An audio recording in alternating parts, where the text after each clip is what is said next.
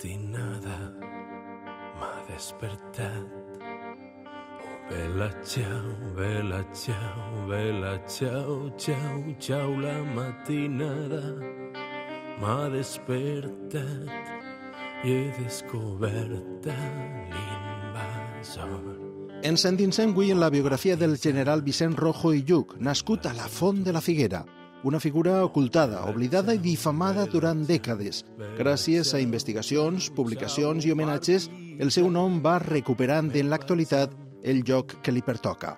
Estem enmig d'una guerra civil i amb un militar que es va mantindre fidel al seu jurament, servir la república, un règim elegit democràticament en les urnes per espanyoles i espanyols. Però què feia un catòlic en files republicanes? La seua és la trajectòria d'una persona conseqüent, que va haver d'enfrontar-se a les tropes rebels de Franco i els seus generals, des de Madrid, Brunete i Belchite a la batalla de l'Ebre. Soc Carlos López Olano i de tot això i alguna cosa més xerrem en este capítol 8 de la sèrie que es diu Vicent Rojo, el general lleial. Això que estan escoltant és El Mur, els noms de la memòria, un serial radiofònic fet en col·laboració entre la Universitat de València i Apunt Mèdia. Fem periodisme, el de sempre, en format podcast, però també molt més.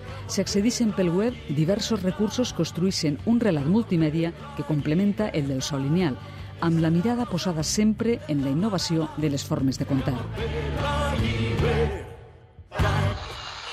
primera vez mi voz ante el micrófono de la radio para dirigirme a mis compatriotas de uno y otro lado del frente, a mis compañeros de ayer y a los de hoy, a los españoles todos. Y quiero hacerlo poniendo calor en mi palabra y sinceridad en las ideas para que cuantos me escuchen en esta noche del 18 de enero, en la que se cumplen justamente dos años y medio de nuestra guerra fratricida, encuentren en mi voz el eco de su propia conciencia. Al gener de 1939 el general Rojo es troba a Barcelona. Eixe dia fa la primera i única intervenció en la ràdio que es coneix. Un document sonor inèdit que van trobar uns familiars i que va eixir a la llum el 2013. En aquest moment és el militar més destacat de la República. Els rebels franquistes avancen cap a Catalunya i s'acosten a Barcelona. És quan el general valencià fa una crida als seus i també als altres. Intenta detindre d'una vegada per totes el sanguinari enfrontament entre germans que s'ha cobrat milers i milers de vides. Apunté con mi fusil al tiempo que disparaba y una luz iluminó el rostro que yo mataba. Era mi amigo José, compañero de la escuela, con quien tanto yo jugué a soldados y trincheras. No os hablo pues para pediros magnanimidad ni perdón. Os habla el jefe militar, sin más representación que la suya propia, pero con el pleno convencimiento de que como él piensan unánimemente y sin distingos todos los militares españoles, los viejos y los nuevos, todos los que defienden en la República y a España. Y estoy harto de esta guerra. Aleshores, eh, després de la caiguda de Barcelona, la retirada fou brutal i no sols milers i milers de soldats, també milers de civils, de personal civil, junt als comandaments militars s'exiliaren en França. El general Vicente Rojo, que havia sigut cap d'estat major central de l'exèrcit popular, també es va exiliar en França i ja mai més va voler tornar. Ell va considerar que la guerra estava ja perduda, que l'esforç de Negrín i sobretot del Partit Comunista era un esforç eh, inútil i eh, va aconsellar al doctor Negrín de no continuar aquesta lluita. Una sola orden en cada conciencia. Resistir. El soldado en el frente, el obrero en el taller, la mujer en el hogar, el niño en la escuela, han de resistir. A finals de gener de 1939, la guerra ja estava perduda per a la República. Així ens ho conta l'historiador valencià Eladi Mainar, que ha investigat i publicat nombrosos treballs sobre la guerra civil en el nostre país. La política de no intervenció estrangera, pactada a Múnich l'any 38, no es complix i els franquistes avancen amb el suport dels alemanys i els italians. El mateix Rojo, en la seva locució, ho denuncia i diuen d'ell que va ser l'únic que va fer front a les forces colpistes amb un exèrcit sorgit dels carrers. En pie, esclavos del mundo, dispuestos al fascismo Habéis querido traer a España los modos y las formas repugnantes de la Italia fascista y de la Alemania nazi, olvidando que España tiene abolengo de creadora de pueblos, no de sierva y el pueblo de ahí como el de aquí sufre por eso de manera afrentosa, con espanto en la mirada y con los puños crispados, con un odio insaciable en los corazones, el horror de vuestra dominación, de la dominación extraña. Siente que su patria ya no es suya, porque ve que la detentan quienes vienen a envilecerla, porque ve que la arrasan y avasallan quienes han puesto en ella el pie de conquistadores. La veritat és que eh, hem dit que i alguns autors com, han confirmat que va ser un geni. Per exemple, el gran historiador eh, Gabriel Cardona diu que Rojo va ser un geni amb mala sort, mentre que el general Franco va ser un inútil afortunat. I és la veritat. Franco va tindre la seva sort sempre de cara, eh, tant abans de la Guerra Civil com després durant la Guerra Civil, sobretot amb l'ajuda de, de les potències nazi-feixista, que des d'un primer moment, davant del fracàs d'aquest colp mal perguenyat, que va ser un colp, una xapussa militar, eh, es va convertir en una guerra civil.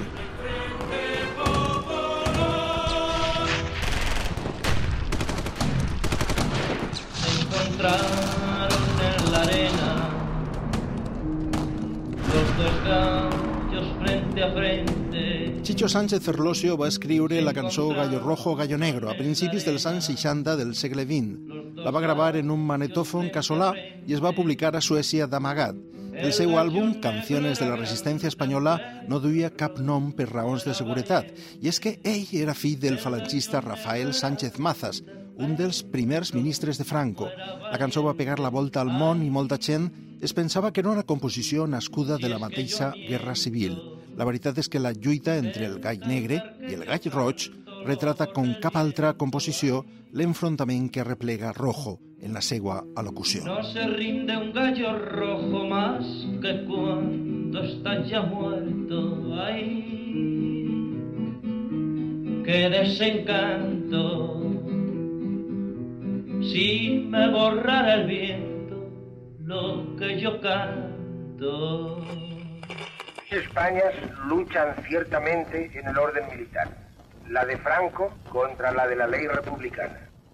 Pero esencialmente la lucha no está planteada así, es más profunda. La victoria militar no podrá extinguirla, porque las raíces de nuestra lucha se desarrollan no en los frentes de combate, sino en los planos de la escala social. La lucha está planteada entre la España caduca, corrompida y venal, y el pueblo español que aspirava i aspira a redimirse. Ens dirigim cap a la Font de la Figuera, al límit sud de la comarca de la Costera, el poble on va néixer el 8 d'octubre de 1894 el general Vicent Rojo i Lluc. Era l'últim de sis germans. Bueno, el general Vicente Rojo havia nascut en la Font de la Figuera. La veritat és que ell va passar molt poc de temps així en la Font de la Figuera perquè es va quedar orfe ben pronte i després, als pocs anys també, quan encara era jovenet, eh, també sa mare va morir i va ingressar en un col·legi d'orfes per als exoficials d'infanteria. Com ens diu Mainar, Rojo mai va conèixer son pare Isaac, un veterà militar de la Guerra de Cuba, que va morir uns mesos abans de néixer ell. Un amor que va deixar la família dependent d'una xicoteta pensió, en què Dolores, la mare, va haver de subsistir i tirar avant les quatre filles i els dos fills barons. Dicen que la patria es un fusil y una bandera.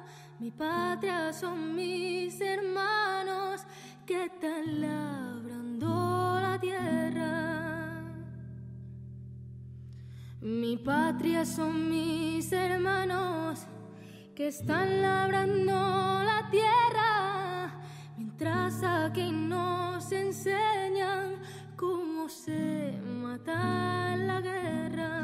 A la font ens espera Irene Vila, l'actual regidora de Memòria Democràtica del seu Ajuntament per a mostrar-nos el que, des del consistori, s'ha recuperat per a conservar el record del general. Ha passat més d'un segle des que Rojo deixara de jugar per estos carrers. Va ser molt important una commemoració que vam tindre al 2013 que es van fer els 700 anys del naixement de la població. Aleshores, en aquest moment, vam fer un, un, tot un seguit d'activitats eh, al voltant de, de moltes persones, de llocs, d'espais, de situacions no?, que es van donar a la font i, clar, 700 anys donen per a molt. Efectivament, una de les persones a les que li van retre homenatge i, i van fer eh, conferències i, i van fer actes institucionals al voltant d'ell va ser Vicente Rojo, precisament. Així, si et dones compte, estem eh, davant de la casa natalícia. Esta placa se li va, se li va posar... Quan Rojo era menut, la població de la Font de la Figuera superava les 4.000 persones, més del doble que en l'actualitat. Era un enclavament amb moltes explotacions agrícoles i ramaderes que va créixer gràcies als treballs del ferrocarril i les carreteres. Tot i això, part de la família se'n va anar a treballar a Sagunt, al voltant de la seva indústria siderúrgica, una ciutat molt vinculada també al general. Tinc entès que no és l'únic de la família que va viure així. Tenia més germans que van continuar vivint. Correcte. Eh, el que passa és que mm, se'n van anar a, a Sagunt, en concret el seu germà Fernando, crec que li deien, se'n van anar a Sagunt perquè era enginyer i, i per això a Sagunt eh, també n'hi ha un nucli important de fontins i de fontines perquè igual que el germà de Vicente Rojo se'n va anar a treballar als Altos Hornos, també al voltant de la siderúrgia molts fontins i fontines pues, van fer allí com una espècie de, de diàspora, no? i es van establir a Sagunt i al port de Sagunt per a desenvolupar allí la seva vida. La Font de la Figuera ha recuperat la figura del seu fill predilecte també per a futures generacions, esperant que a la vista del seu nom en el carrer on va néixer, el de la Mare de Déu dels Xics, o al mateix passeig, la gent del poble o el que està de pas, es pregunte qui era i per què cal recordar-lo. Se li va ficar un bust amb motiu del primer centenari del de naixement, perquè va néixer en 1894, el 8 d'octubre, precisament, i se li va ficar un, un bust al, a la plaça, al Paseo Vicente Rojo, que està en la part alta del poble, en allò que suposa que van ser els primers carrers de la població, i, i se va fer ahir, evidentment, pues, pues un xicotet homenatge no? al, al, al general, que va ser cap de, de l'exèrcit durant la Segona República. És que això no hem d'oblidar-ho, no? Va ser una personalitat molt important perquè està considerat pues, el, el l'espill en el que es mirava Franco. Per què? Perquè era el seu, el seu rival, rival directe, no? va ser la persona a la que tenia que, que guanyar Franco si volia fer-se en el govern de, del país. Et sembla bé que anem al passeig? Perfecte, eh? perfecte. Dels arxius audiovisuals de Televisió Valenciana recuperem la notícia d'aquell octubre de l'any 1994, en què la font col·locava en este mateix passeig el bust fet per l'escultor valencià Nacio Ballarri en memòria del general. En la plaça que porta el seu nom, este matí s'ha descobert a la Font de la Figuera un bust en memòria del general Vicent Rojo Lluc, coincidint amb el centenari del naixement del militar republicà natural d'esta localitat cap de l'Estat Major de les Forces Armades de l'Exèrcit de Terra durant la República, ocupant la graduació de tinent general, va reorganitzar l'any 1938 l'Exèrcit Popular. Avui encara s'analitzen les seues tàctiques militars que apareixen en obres que va escriure com Estampas de guerra i així fue la defensa de Madrid. En acabar la Guerra Civil es va exiliar a França. L'any 1957 tornava a Espanya i va ser sotmès a un Consell de Guerra que el condemnà a cadena perpètua, sentència que va ser suspesa. A l'homenatge d'avui, presidit pels seus familiars, han assistit representants institucionals, diputats provincials i ha tingut l'adhesió de l'Ajuntament de Sagunt. Tots han coincidit a destacar la fidelitat del general Rojo als valors d'igualtat que defensava. En un moment en què els militares del ejército que la República había destinado a defender la Constitución y el Estado, se sublevaron para imponer unos ideales de partido. Él mantuvo su juramento de lealtad al gobierno legítimo de la República y siempre se mantuvo con esa independencia política durante toda la guerra civil. En finalitzar l'acte d'homenatge, la banda local ha estrenat una marxa dedicada a l'estrateg, professor i humanista que fou Vicent Rojo Lluc. L'acte, vist ara, tants anys després, cobra més importància històrica al ser dels primers i dels pocs reconeixements que es feien a un militar lleial a la República després de la dictadura. Així ho destacava en aquell moment el seu fill major, del set que en va tindre, el cirurgià Vicente Rojo Fernández, que en 16 anys ja ajudava com a infermer en la defensa de Madrid i també en el front de Terol. En un momento en que los militares del ejército que la República había destinado a defender la Constitución y el Estado, se sublevaron para imponer unos ideales de partido. Él mantuvo su juramento de lealtad al gobierno legítimo de la República y siempre se mantuvo con esa independencia política durante toda la guerra civil. Camí de l'exili, fugen del seu país. L'any 1957, després de passar per França i estar anys exiliat entre l'Argentina i Bolívia, on era un reconegut professor de l'Acadèmia Militar, només hi ha un pensament en el cap del vell general ja malalt, tornar a Espanya. Així ens ho conta Leandro, un altre dels seus fills. Mi padre vivía en Bolivia con el respeto de todo el mundo, desde el presidente de la República al obispo de la ciudad, pasando por los indígenas que trabajaban en nuestra casa. Y se vino porque sentía que se moría. Y no concebía morirse fuera de España. Exclusivamente. Vino a sabiendas de que venía a morirse. Y no le dejaron morirse tranquilo. Bé, se n'ha fet que en serà de la vostra terra. Se'l va, quan va tornar a Espanya, Franco no el va perdonar i li se va iniciar un judici militar que el va condenar a cadena perpètua. Després se l'indultaria, però Franco no el va perdonar perquè fou un dels artífecs de que la guerra durara tres anys i de que la república poguera eh, fer-li front a aquest exèrcit franquista eh, amb, que tenia una quantitat ingent d'ajuda material per part d'aquestes potències nazi i feixista i això Rojo, el general Vicente Rojo va tindre una gran part molt important per a que la república poguera aguantar quasi tres anys i fer front a aquest exèrcit rebel. Com ens recorda l'historiador Eladi Mainar a Rojo, el condemnen a la interdicció civil i inhabilitació absoluta, pena que el mateix general traduiria con la mort civil, o tal com el mateix Franco va dir, a negar-li el pa i la sal. Però tot i estar malalt, el valencià continua en la seva obsessió, deixar testimoni de la veritat de tot el que ha viscut i com ho sent i escriu.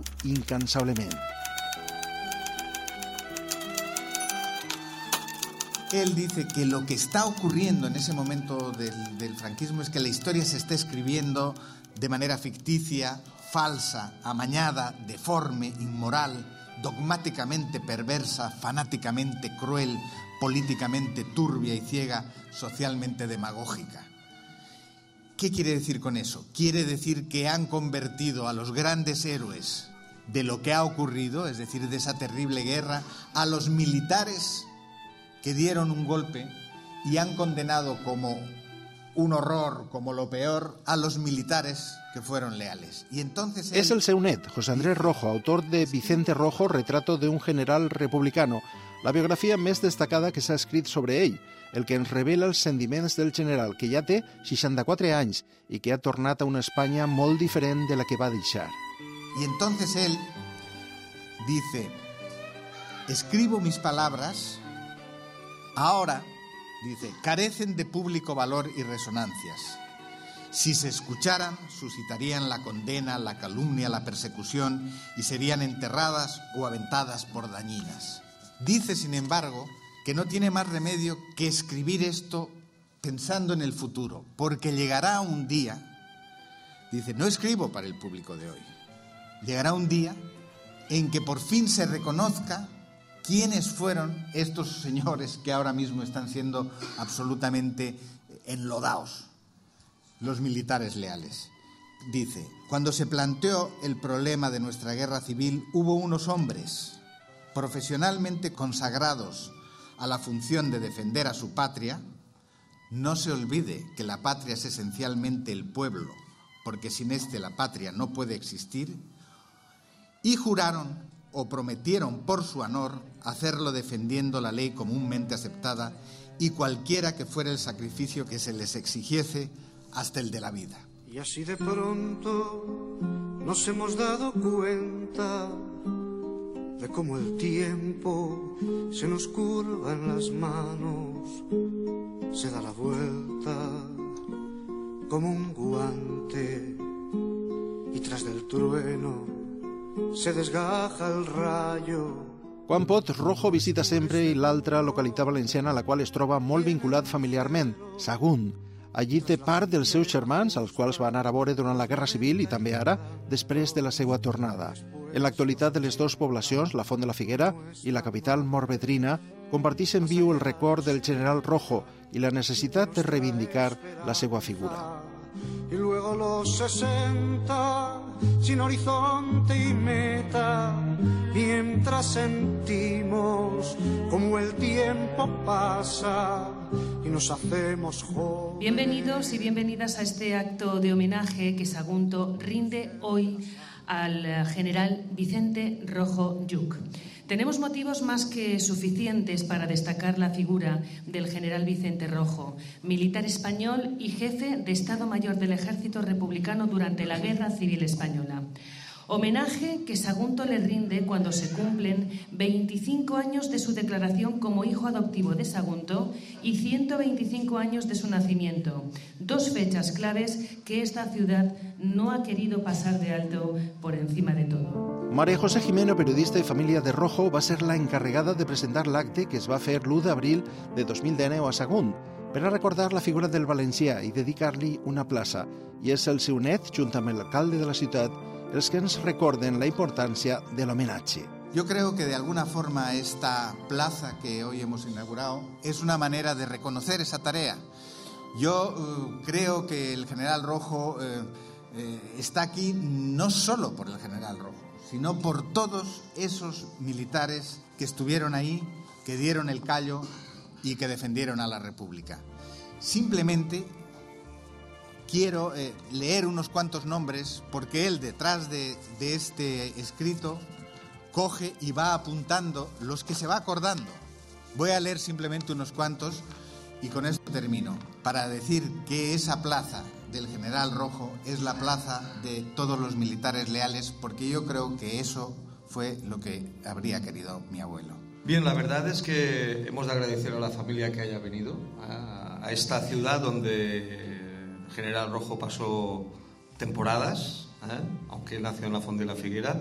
Por tanto, hay una vinculación, digamos, de carácter familiar y parte de su familia vive aquí.